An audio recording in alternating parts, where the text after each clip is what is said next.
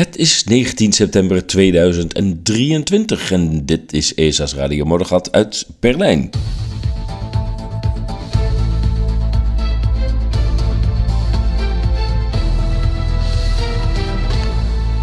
En daarmee wordt het weer een speciale uitzending. De tweede aflevering uit, uh, uit Berlijn.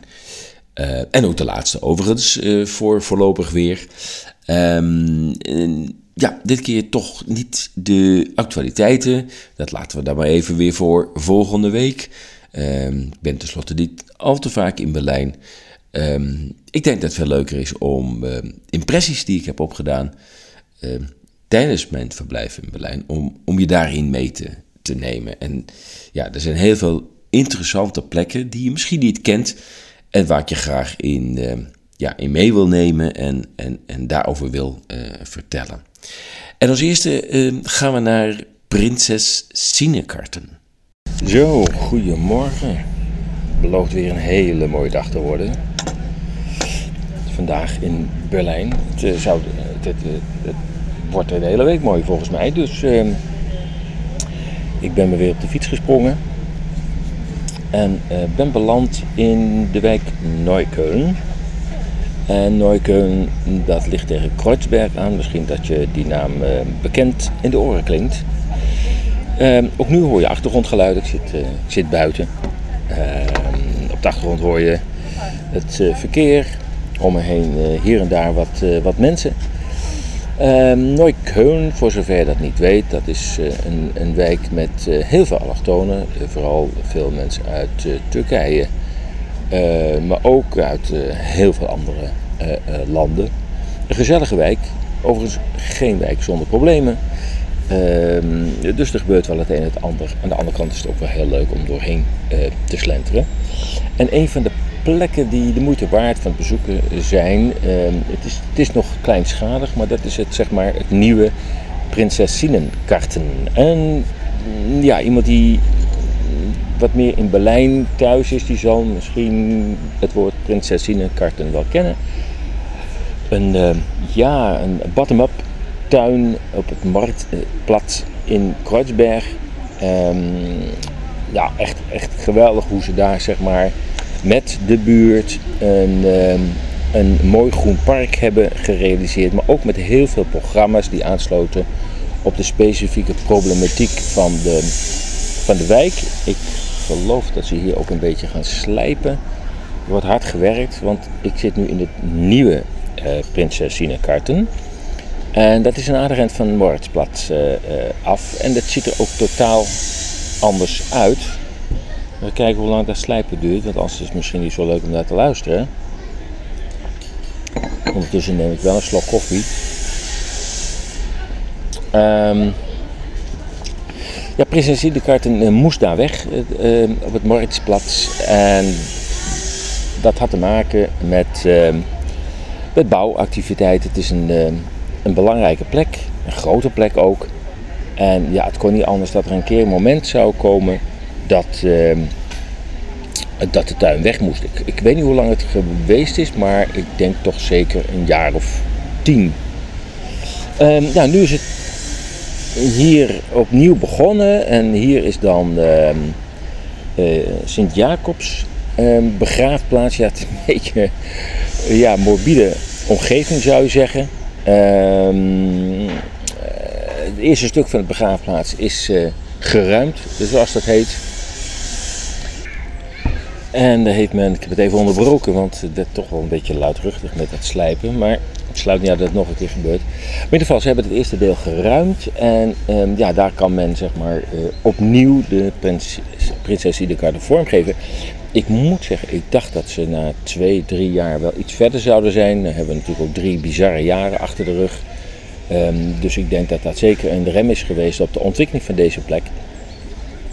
Uh, maar goed, het begin uh, uh, is er en ook nu zitten ze weer in een, in wijk met de nodige sociale vraagstukken, zullen we het maar noemen.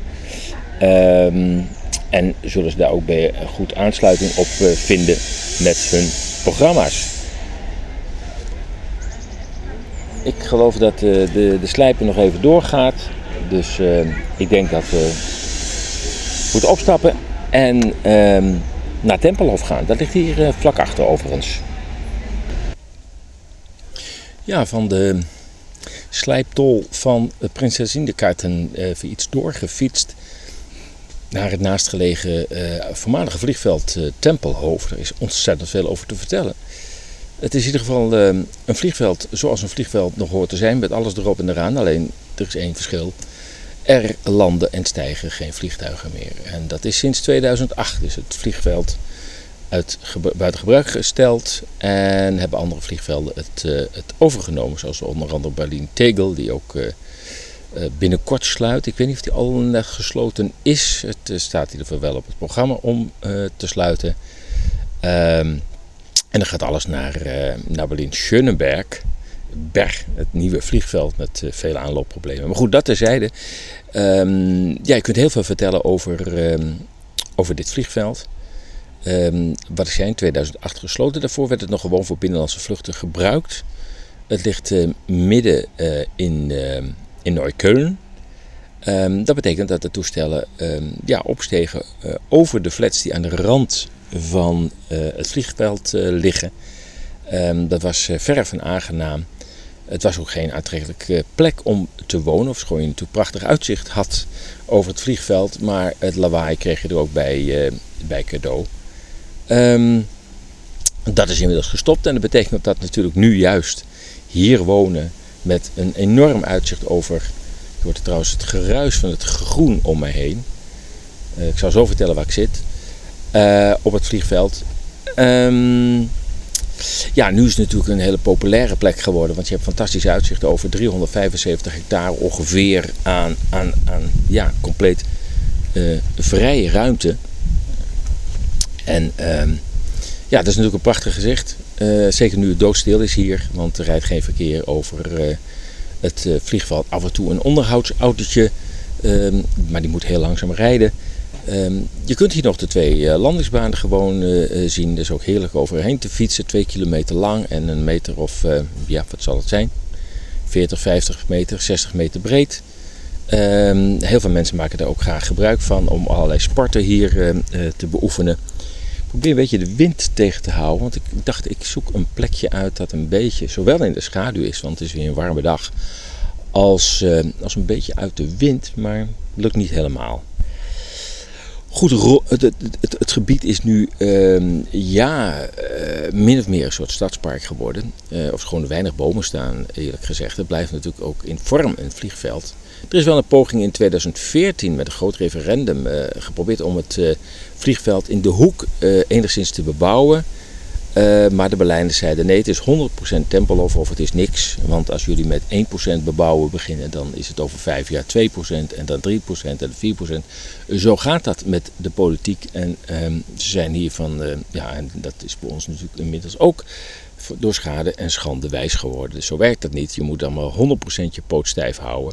Lijkt een beetje op het stikstofdiscussie. Als je een heel klein beetje meegaat, voordat je het weet, uh, gaat het steeds verder en dan zie je nog aan de verliezende kant. Um, ik zit helemaal aan de oostkant van het vliegveld, tegen de rand van uh, aan. Um, ik zit in de gemeenschapstuin uh, Gemeinschaftskarten uh, Almenda Contor. Um, ja, dat is een heel bijzonder plekje. Het is heel moeilijk te beschrijven. Ik zit, zit midden in het groen. Iedereen heeft een heel klein plekje voor zichzelf geclaimd. Um, iedereen heeft wel ergens een nummertje zo van ja, oké, dat is dan van mij. Uh, hebben hier en daar wat houten uh, afschottingen neergezet, heel laag. Uh, maar verder moet alles gewoon toegankelijk lijken of ik in een foyer zit zeg. Uh, alles moet toegankelijk zijn, dus je loopt er gewoon doorheen.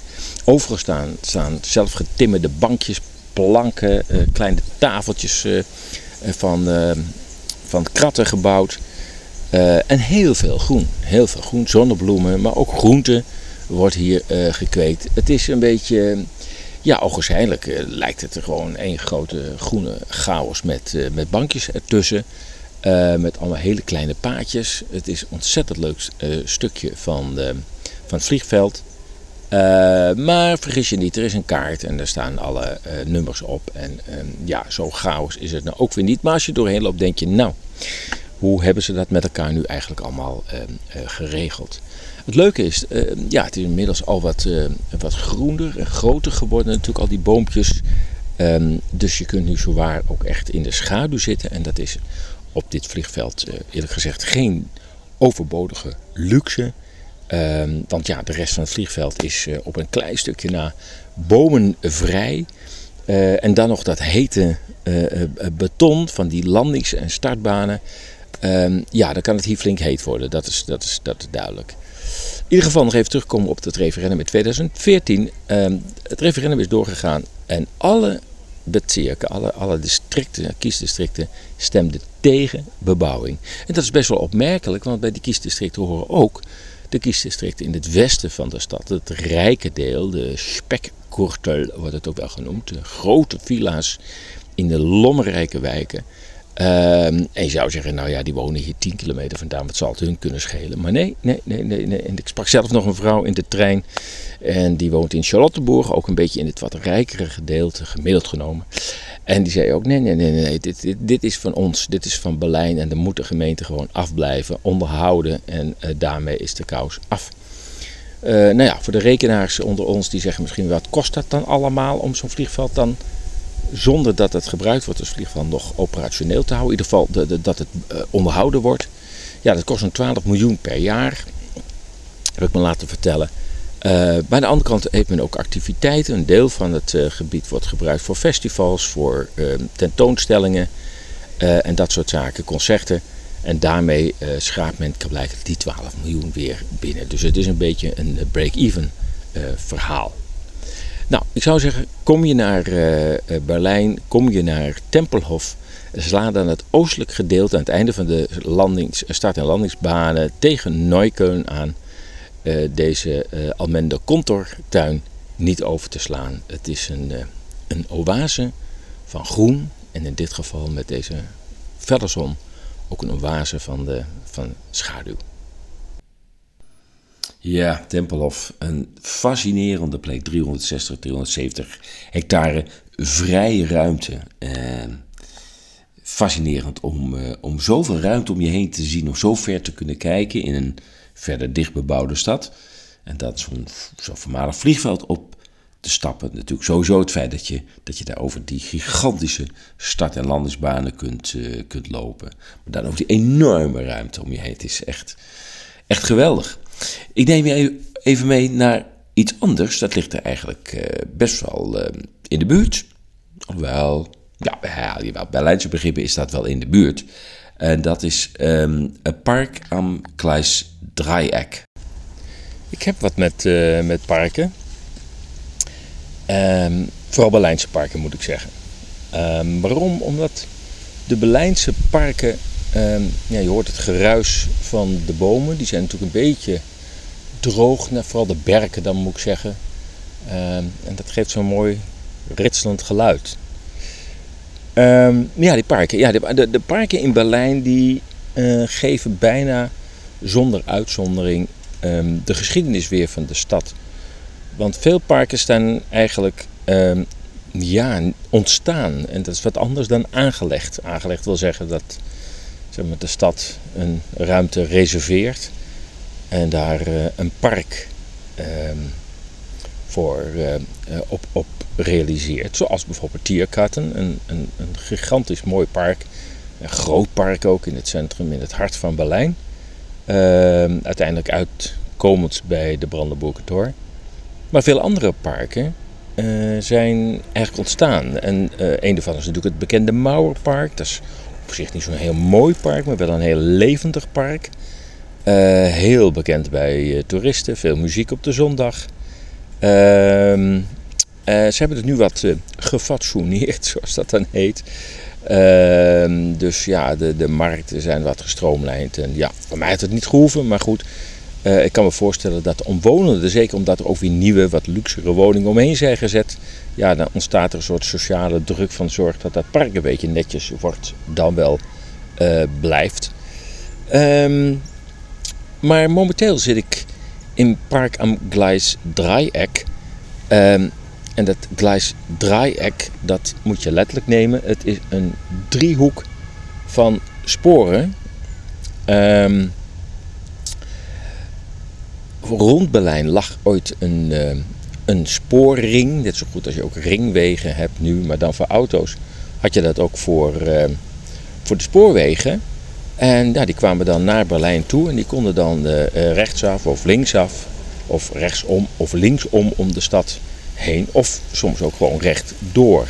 En dan kreeg je dus een driehoekig vormige stuk in het spoorwegennet. Nou, zo'n draaiek was onder andere, er zijn er meer in Berlijn, maar dit park is daar een heel goed voorbeeld van. Het heeft ook de naam daarvan, Park am Gleis, Dreieck. Um, ja, dat is een park dat, dat ja, misschien tien jaar geleden, 15 jaar geleden, nog zeg maar het, de restanten had van ja, ik denk wel een van de grootste rangeerterreinen van Europa. Als je de, de foto ziet op, op de website esas.nl staat ook uh, volgens mij een foto. Daar zou je naar moeten kijken hoe dat begin vorige eeuw was. Ja, het aantal sporen dat, dat, daar lag is gewoon, was gewoon niet te tellen. Dat was onvoorstelbaar. Maar het was eigenlijk een hele grauwe omgeving van uh, sporen en opgestelde treinen. Uh, ja, dat is op een gegeven moment uh, in ongereden geraakt. En uh, zeker ook omdat waar dit park en de destijds uh, lopende uh, spoorlijn op uitkwam, was Anhalter Bahnhof. En Anhalter Bahnhof, nou, ze hebben er wel zin in met de sirene. Um, Anhalter Bahnhof was zeg maar ehm, het station waar ja, alle gasten, tussen aanhalingstekens, van um, de nazi's aankwamen. Het ligt vlakbij het, uh, het, het, toenmalige regeringsviertel, uh, zeg maar, in de Wilhelmstrasse. Um, dat Anhouten Bahnhof is behoorlijk gebombardeerd. Er staat alleen nog de voorgevel van. Daarachter is ook een soort parkje ontstaan. En daar, daar zie je nog een enkel spoor lopen. Dan wel dat men opnieuw een enkel perron heeft opgemetseld zodat je nog een beetje ziet dat het een station is, is geweest. Nou ja, Park Dreieck. Uh, er liggen ook nog enkele sporen, maar vooral het spoor naar het uh, verkeersmuseum. en voor de verder is, is, het een, is een prachtig, prachtig park um, geworden. Um, dat echt toch de geschiedenis vertelt van hoe Berlijn er 100 jaar geleden uitzag. Midden door het park rijdt nog wel de S-baan en de, en de ICE, de treinen naar uh. Dus in die zin heeft het nog wel voor een deel die, uh, die functie. Maar goed, dat valt niet op. Het park is zo groot dat je er kunt, kunt vertoeven. Zonder te merken dat er achter je rug een, ICE voorbij sjeest. Die overigens iets verderop de tunnel ingaat. En dan onder de stad naar Potsdamer Platz rijdt. Nou ja, naast uh, het park heb je een uh, heel groot CPO-project. Ik weet niet of je dat interesseert. CPO is collectief particulier opdrachtgeverschap. Uh, hier noemen ze dat bouwgroepen. En dat betekent dat mensen zich eerst verzamelen.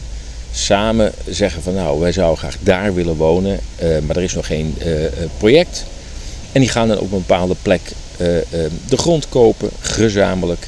En gezamenlijk ook een, een, een, een wijk bouwen.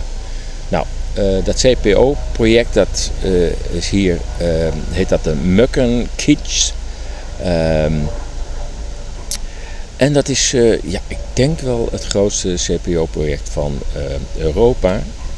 totaal staan er iets van 14 gebouwen in negen straten. En dan moet je dus voorstellen dat, dat dat dus gebouwd is en ontwikkeld is door een groep van 450 gezinnen, echtparen, Ehm, die, die samen kwamen om dat hele project uh, te ontwikkelen uiteindelijk. Natuurlijk zijn ze begeleid door projectleiders en, en architecten. En de hele financiering was natuurlijk razend ingewikkeld. Dat, dat, dat project heeft miljoenen gekost. Uh, het heeft ook een tijdje stilgelegen omdat ja, je hebt natuurlijk een bouwtijd en op een gegeven moment uh, ja, gebeurt er iets in de privésfeer. Mensen haken af, die scheiden, kunnen uiteindelijk dan toch de toekomstige lasten niet meer dragen. En um, ja, dan valt zo'n project uh, uiteindelijk stil. Maar goed, na een jaar dat het uh, stil heeft gelegen, is het uiteindelijk weer opgepikt. En uh, het is nu een, uh, een prachtige wijk geworden. Dus houd, onthoud de naam Möckrenkitsch, vlakbij park aan Gleis Dreieck. Ja, als je eenmaal de fiets bij je hebt, dan, uh, dan ga je natuurlijk ook lekker fietsen, uiteraard. Ehm, en dan, ja, mijn gewoonte is dan ook toch maar een beetje kriskras door de stad te gaan. Omdat je daarmee ook ja, toevalstreffers op het spoor komt. Hè? Als je elke keer gaat plannen van tevoren, nou dan wil ik dat zien, dan wil ik dat zien dan uh, is de kans heel klein dat je ook iets nieuws tegenkomt. Ehm, en ik kom al heel lang in Berlijn en heel vaak uh, de afgelopen jaren sinds 2009. Um, dus dan hoop ik ook altijd wel weer op, uh, op, iets, op iets nieuws. Dat ik denk, hey, in die straat vindt toch wel iets plaats. Dat heb ik nog niet eerder gezien. Um, nou, een van die dingen is, uh, is wat ik net vertelde, Park am. Dat is, dat is zo'n parel in de, in de stad. En als ik zo weer doorfiets, meer richting uh, het westen van Berlijn, dan kom ik terecht in de wijk Schöneberg. Ja, ik ben momenteel in de buurt van ehm, het Schöneberger Raadhuis, natuurlijk in de wijk Schöneberg. Op de achtergrond hoor je een, ehm, een fonteintje. Want uh, vlakbij uh, dat stadhuis is een mooi park. Een mooi langgerekt uh, park wat uh, zeer de moeite waard is om lekker doorheen te fietsen. Maar Schöneberg en vooral het raadhuis van Schöneberg um, heeft een hele bijzondere historie. Want toen Berlijn gedeeld was, ja, had je eigenlijk twee steden. De ene behoorde tot de Bondsrepubliek Duitsland eh, West-Duitsland. En het andere deel van Berlijn behoorde tot de Duitse Democratische Republiek, de DDR. En beide eh, delen van de stad hadden dus een stadhuis nodig. Nou ja, in het oosten stond al een stadhuis, dat is Rote Raadhuis. Uh, nou ja, het was rood van politieke kleur natuurlijk tijdens de DDR, voor zover je dat rood kunt noemen. Maar de stenen zijn ook rood. Daar, vandaar de naam Rote Raadhuis. Maar goed, de West-Berlijners hadden geen, uh, geen stadhuis meer. Dus uh, trokken ze uiteindelijk in het stadhuis van een deel van Berlijn, in dit geval de Bezirk Schöneberg. En heeft men dat stadhuis uiteindelijk tot stadhuis van heel Berlijn gemaakt. Um, maar dat was niet het enige wat zo bijzonder is aan dit stadhuis. Een mooi stadhuis overigens. Um, maar er werd hier ook een, een heel bekende toespraak gehouden. En dat was van John F. Kennedy. Die hier op het balkon staand de inmiddels beroemde uitspraak heeft gedaan. Ich bin ein Berliner. Hij wist overigens niet dat hij daarmee een uh, grammaticale fout maakte. Want als je zegt ich bin ein Berliner. Een Berliner is ook een, een lekker bolletje met, uh, met vanillesaus ertussen.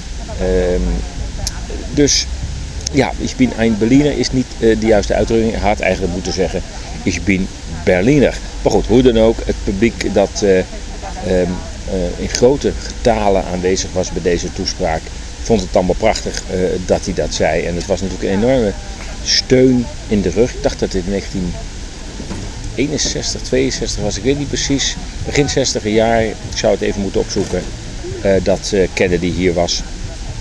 Het was een enorme opsteken voor, uh, voor de Duitsers die uiteraard uit de Tweede Wereldoorlog kwamen en uiteindelijk in een gedeelde stad kwamen te wonen. Goed, dus dat is um, Raadhuis Schöneberg. Ja, zo zie je maar. Ehm, elke plek in Berlijn heeft iets, iets, iets historisch, iets wat de meeste van ons ook wel herkennen uit de geschiedenis. Dat maakt Berlijn ook zo boeiend. Het is niet hele, heel ver achter ons liggende geschiedenis. Het is, ja, wat je zou kunnen zeggen, recente uh, geschiedenis. boek natuurlijk niet de afgelopen paar jaar, maar de uh, afgelopen honderd jaar, wat zich daar allemaal heeft afgespeeld. Dat is een groot deel in Berlijn van uh, terug te vinden. Uiteindelijk fiets ik weer terug naar ja, de binnenstad, zover je dat, uh, voor zover je dat kunt zeggen over Berlijn, dat hij een binnenstad heeft. Maar een beetje richting uh, midden, in de buurt van de Rijksdag, um, S- en U-baanhof Friedrichstrasse. En daartegen aangebouwd is het zogenaamde Tränenpalast. Ja, het is in drukte, drukte van je welste. Ik sta nu ehm, in de Friedrichstraße. Ehm, op de brug boven, eh, over de Spree. Het is zondag. Het is eh, nog steeds warm. Eh, het zou vandaag 31 graden zijn. het zal best, je begint op een gegeven moment ook wel een beetje te wennen aan, aan de warmte. hoe langer het warm blijft, hoe minder vocht er in de lucht zit en hoe dragelijker de warmte wordt. Ja, kijk nu uit op uh, een van de vele rondvaartschepen waar weer ja, drommen toeristen het bovendek gaan vullen. Ik, ik moet je zeggen, ik zou het op dit moment niet, niet willen om ja, zeg maar een uurtje of anderhalf vol in de zon te zitten. Er schijnen zelfs, ik zag net een boot voorbij komen, daar, daar werden parasols uitgereikt. Dus dat, dat, was, dat was wel een goede service natuurlijk. En met de rest zie ik, uh, ja, zullen mensen het gewoon in de volle zon uh, moeten doen. Ja, je hoort hier van allerlei geluiden. Uh, af en toe scheepsgeluiden, autogeluiden, autobussen. ik hoor de U-baan in de verte. Als het gaat om het registreren van stadsgeluiden is dit wel een, een bijzondere plek. Um, um, strikt genomen um, sta ik hier op de Rijkstagoever. Rijkstagoever. Oftewel, verderop staat de Rijksdag. Uh, en de studio's van de, van de Duitse omroep, de WDR, ARD. Dat is overigens opvallend als je dat zo beschouwt, want de studio's van de ARD en de Rijksdag staan vlak bij elkaar. En daaraan zie je hoe politiek en media, zeker in Duitsland, maar dat geldt eigenlijk ook over Nederland, in elkaar zijn verweven geraakt. En dat, dat onafhankelijke journalistiek ook eigenlijk nauwelijks meer mogelijk is. Uh, als je zo letterlijk, letterlijk dicht op elkaar zit. Maar goed, hoe dan ook. Um, wat ook uh, op deze plek uh, het bezoeken waard is, is um, het Trainenpalast. Moet even kijken of ik uit de wind kan gaan staan. Want er steekt ineens een wind op. Die was er net nog niet. Um, dus ik dacht, ik sta op de goede plek. Uh, maar dat is niet het geval. Ik zal eens even kijken of ik een beetje in een nis kan staan van een, van een kantoorpand van Ernst Young. Die weet ook wel waar die gaat zitten natuurlijk. Dat is altijd zo. Dat adviesbureaus hebben geld zat om op een, uh, een luxe plek te gaan zitten. Uh, maar waar ik voor sta is, uh, is de Trainenpalast. En misschien eh, ken je dat niet. Um, het Trainerpalast is bij de Friedrichstraße, ook het, het station Friedrichstraße, waarbij destijds, toen de muur nog stond, mensen die uiteindelijk een uitreisvisum kregen om de DDR te verlaten, die gingen dan via de Friedrichstraße. Daar was uiteindelijk dan uh, zeg maar de douane of de volkspolitie om uiteindelijk de laatste controle uit te voeren en de laatste ja, vernederingen die je daar moest doormaken. En dan kon je uiteindelijk vanuit de uh, Bahnhof Friedrichstraße kon je verder reizen naar, naar West-Berlijn. Maar het was wel vaak een definitief afscheid van je familie. Uh, en dat gebeurde in het gebouw wat nu uh, eigenlijk toen ook al informeel het Trainenpalast heette. Oftewel het, uh, het paleis van de tranen. Ja, eenmaal in het gebouw ik zal het zachtjes praten, want mensen kijken rustig rond hier uh, uh, op de tentoonstelling. Sta ik voor een foto waarbij ehm, Allied Checkpoint Charlie wordt, eh, letterlijk wordt opgehezen, het gebouwtje. als, ja, als teken van dat de DDR-grens, de Berlijnse muur en uiteindelijk natuurlijk ook het ijzeren gordijn definitief was, was opgeheven. En ik zie daar James Baker staan van de Verenigde Staten. Dat was de man die garandeerde dat, dat de NAVO geen inch zou opschuiven naar het oosten, wat een eis was van de Russen. En namens de Russen staat in het rijtje, lachend met Charlie in de kraan op de achtergrond uh, Shevardnadze. Dat was toen de minister van Buitenlandse Zaken. Uh, Hans-Dieter ik, van Duitsland de minister van Buitenlandse Zaken. Ik dacht dat van Frankrijk het Juppé was, of Juppé, ik weet niet, precies wat zijn naam, ook minister van Buitenlandse Zaken. Uh, ik zie daar nog een Engelse minister staan, waarvan de naam mij is ontschoten. En ik zie daar een uh, militair tussen staan, die kijkt heel streng het publiek in. En gebaard met zijn vinger, hier komen. Nou ja, wat hij daarmee precies bedoelt en wie die roept, weet ik ook niet. Maar um, ja, dat beeld wordt hier natuurlijk uh, gekoesterd. Hè. De dag van de Duitse eenheid, die overigens genomen pas elf maanden later was. Hè, want het val van de muur was nog niet de dag van de eenheid. Want uh, strikt juridisch waren de beide Duitslanden nog steeds gescheiden van elkaar.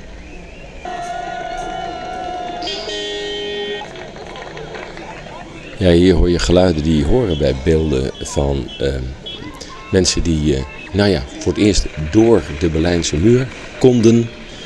En die werden begroet door de West-Berlijners, alle trabbies die uh, door, de, door de Berlijnse muur reden. Op daken van de trabbies werd geklapt, werd getoeterd. Mensen klommen op de muur.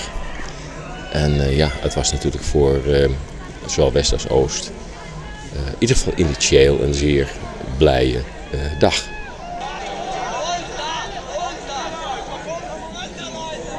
Ja, wat ik ook nog zie is een foto van, um,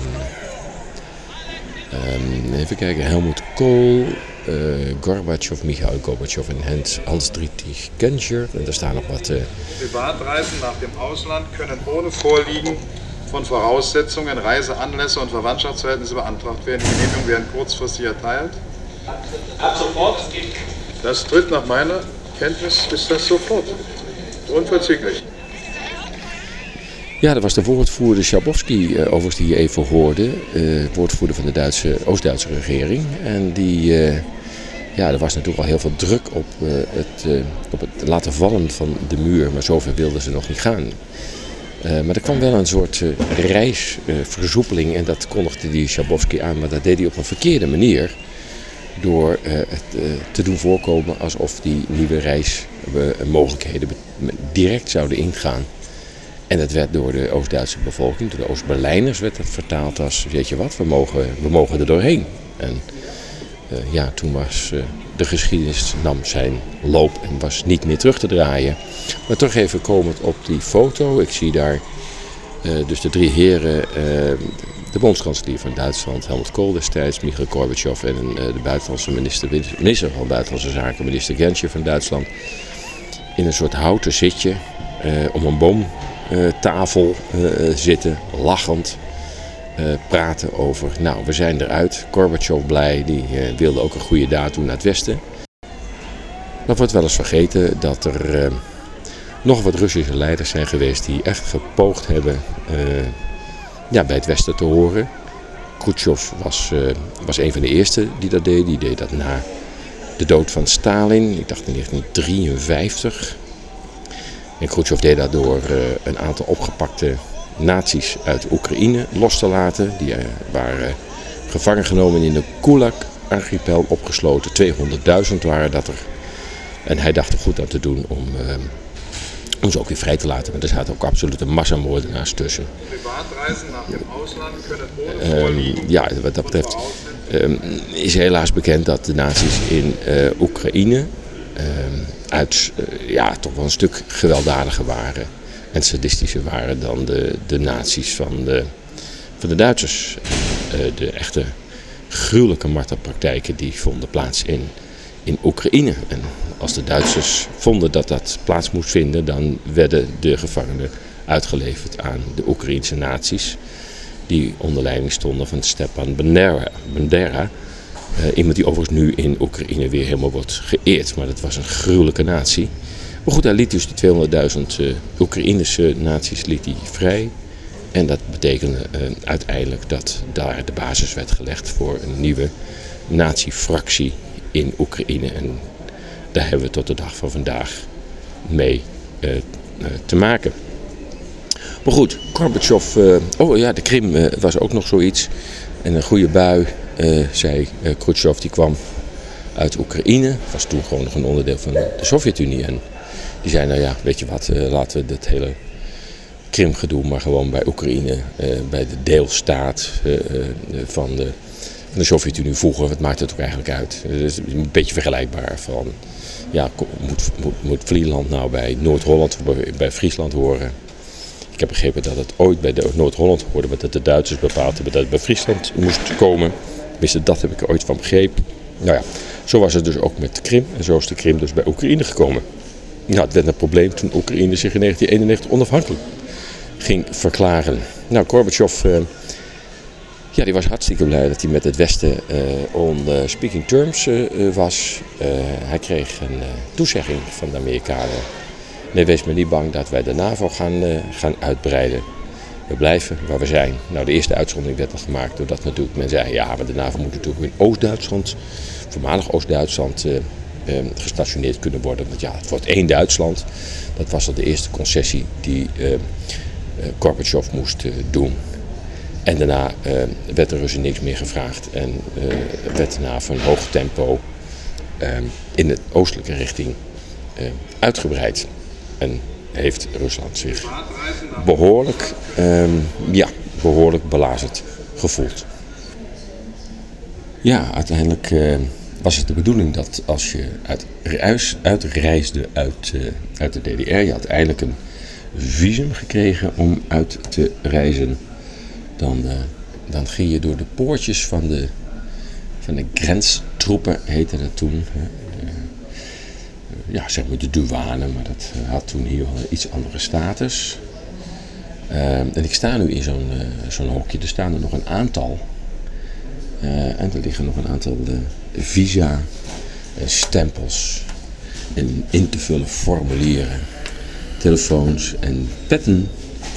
Ehm, ja, daar, daar moest je doorheen uiteindelijk. En als je uiteindelijk door de deur was, die nu open gaat, dan uh, ja, kon je opgelucht ademhalen. En dan stond je in ieder geval klaar om naar boven te gaan hier uh, in het uh, UNS-bahnhof Friedrichstraße om te mogen uitreizen. Der Zollbeamte räumt meinen Rucksack aus und wieder ein.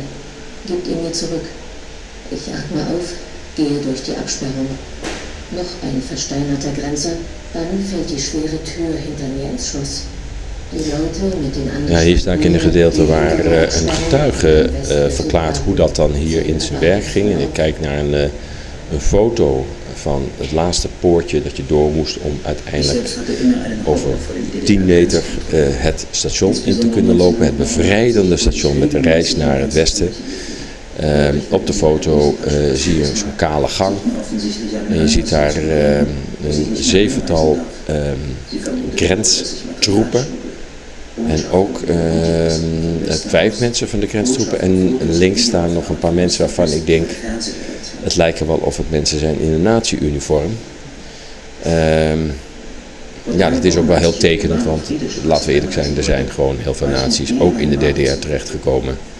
En hebben daar ook weer functies be uh, bekleed in de Duitse Democratische Republiek. En gingen gewoon weer verder. De pet was iets anders.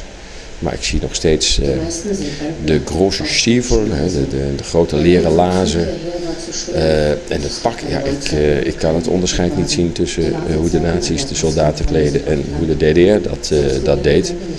En dat geeft wel een beetje de relativering aan van, ja, ze gingen van fascisme naar socialisme, maar natuurlijk er zaten verschillen in uiteraard, maar het systeem was ook repressief. Um, en um, heel veel uh, ja, nazi's konden hun employ voortzetten binnen de DDR.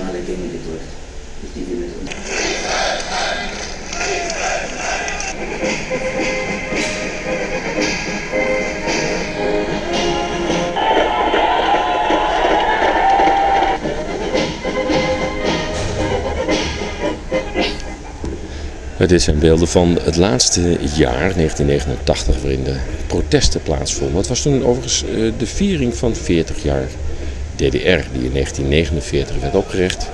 Gorbachev bezocht de DDR. Eh, er is een foto eh, waarin hij op zijn horloge kijkt.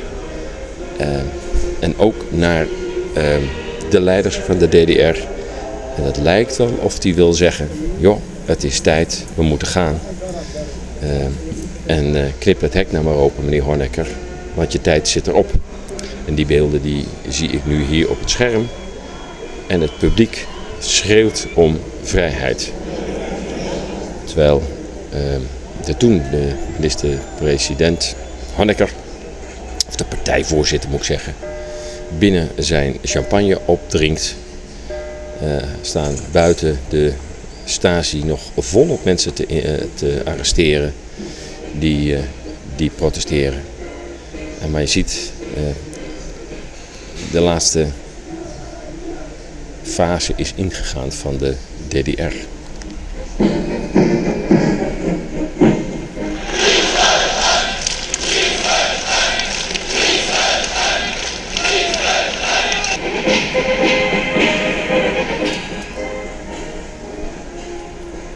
Ja, we schieten alweer aardig op, uh, vind ik, met uh, de zendtijd. Maar prima, ik bedoel, dat komt, het komt niet zoveel voor dat ik in Berlijn ben. Ik vind het ook wel leuk om het jullie te laten horen.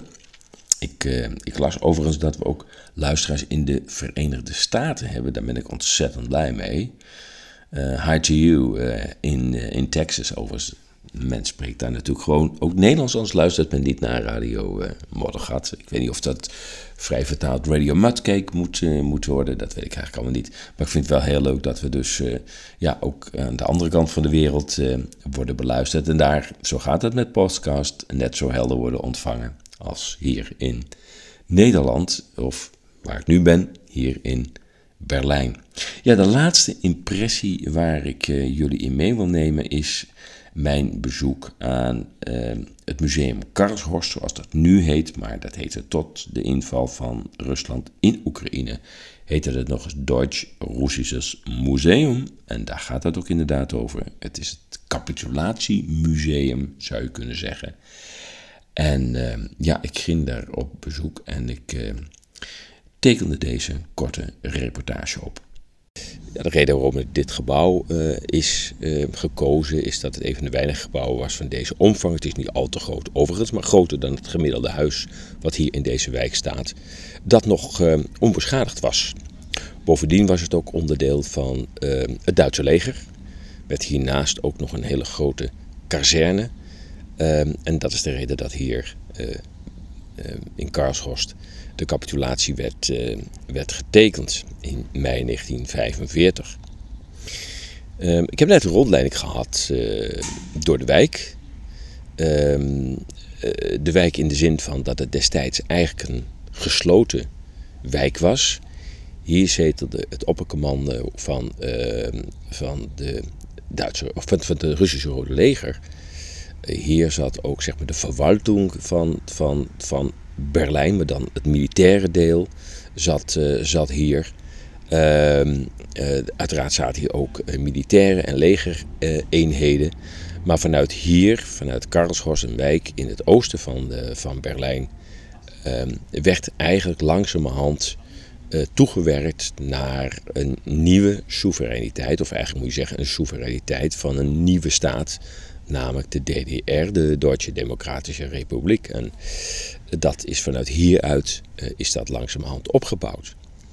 Uh, deze, deze hele wijk uh, is ommuurd geweest. Ik kijk nog tegen een deel van die muur aan.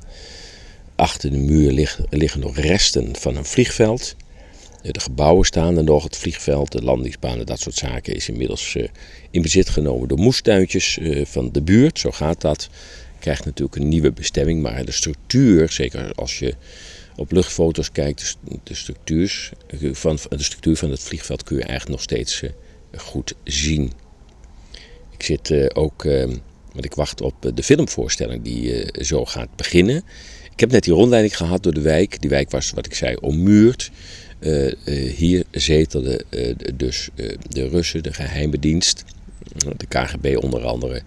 Uh, en langzamerhand ook eh, DDR-functionarissen die ja, langzamerhand binnen de, context van de, wat de Sovjet-Unie aangaf, langzamerhand de soevereiniteit moest overnemen. de soevereiniteit van de DDR moest gaan opbouwen.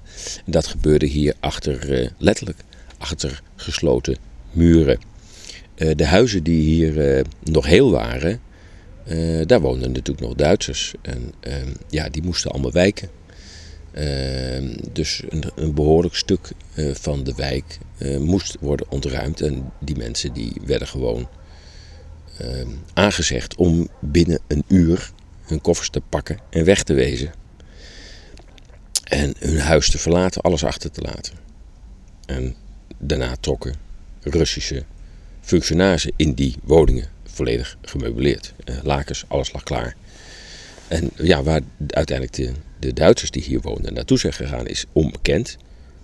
Wel is bekend dat zeg maar in de 60 jaren, dat is een beetje halverwege, 1964 heb ik geloof ik opgevangen, Ehm, gaf uiteindelijk uh, de Sovjet-Unie dit deel weer vrij en konden de Duitsers uh, of hun nazaten van de families die hier gewoond hebben, konden hun woning weer uh, terugkrijgen. Maar goed, dan was je al wel weer 40 jaar, nee, 20 jaar later. Dus ja, goed, afhankelijk van je leeftijd toen je hier weg moest, heb je dat nog mee mogen maken dat je weer terug kon in je eigen woning.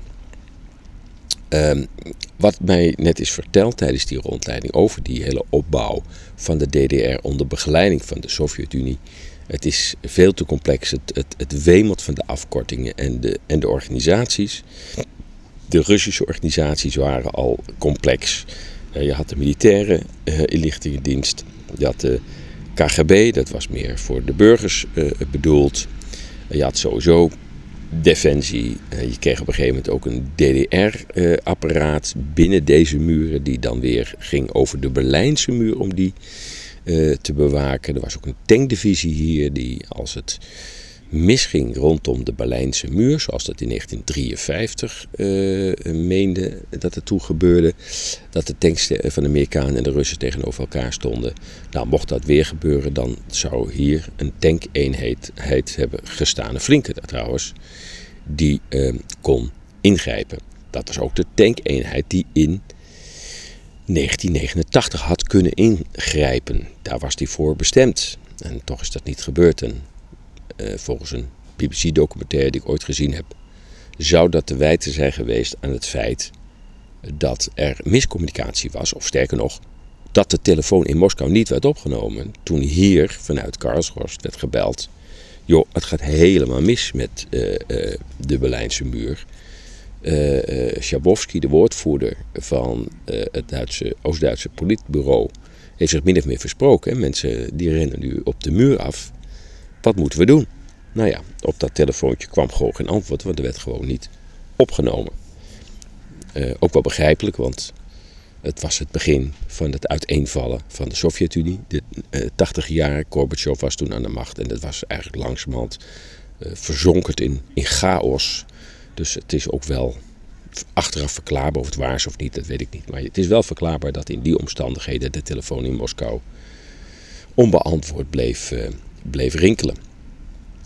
Uh, wat wel uit uh, de rondleiding kwam, en, en ja, uiteraard is het een Duitse rondleiding, is dat, dat de houding van ehm, de Russen heel snel soepeler werd ten aanzien van de Duitsers. Men werkte heel snel toe naar overdracht van delen van bevoegdheden. Ehm, nou, wat ik zei, een deel van de wijk was helemaal ommuurd met een gemetselde muur en, en, en toegangsslagbomen. Ehm, en toch was men eigenlijk heel soepel. Nou, kinderen konden sowieso gewoon onder die bomen doorrennen en daar greep niemand in. En volwassenen, als die even vriendelijk uh, naar een Russische soldaat keek, dan konden ze ook van de winkels gebruik maken. De Russische winkels binnen die ommuurde zone. Om uh, toen goed verzorgde Russische producten te kunnen kopen. Dit was dus al een stuk beter dan in de DDR-winkels lag. Um, ja, direct ga ik dus naar die film kijken. En die gaat over uh, deze wijk. Echte uh, beelden, authentieke beelden. Over wat zich allemaal in deze ommuurde wijk, de verboden stad zou je het kunnen noemen, binnen Berlijn. Uh, in die beginjaren na de Tweede Wereldoorlog heeft afgespeeld. Ja, verder kijk ik ja, op het gebouw nu. Um, en als ik een beetje naar rechts kijk, daar zie ik een aantal tanks staan. Ik ben daar niet zo heel erg bekend mee, eerlijk gezegd. Ik liep vanmiddag met een groep die ik heb rondgeleid door Berlijn liep ik hier langs en er was ook een militair bij en die kon wel precies uitleggen dat dat is dat en dat is dat en dat is de beruchte, eh, nou, puntje, puntje, puntje, denk.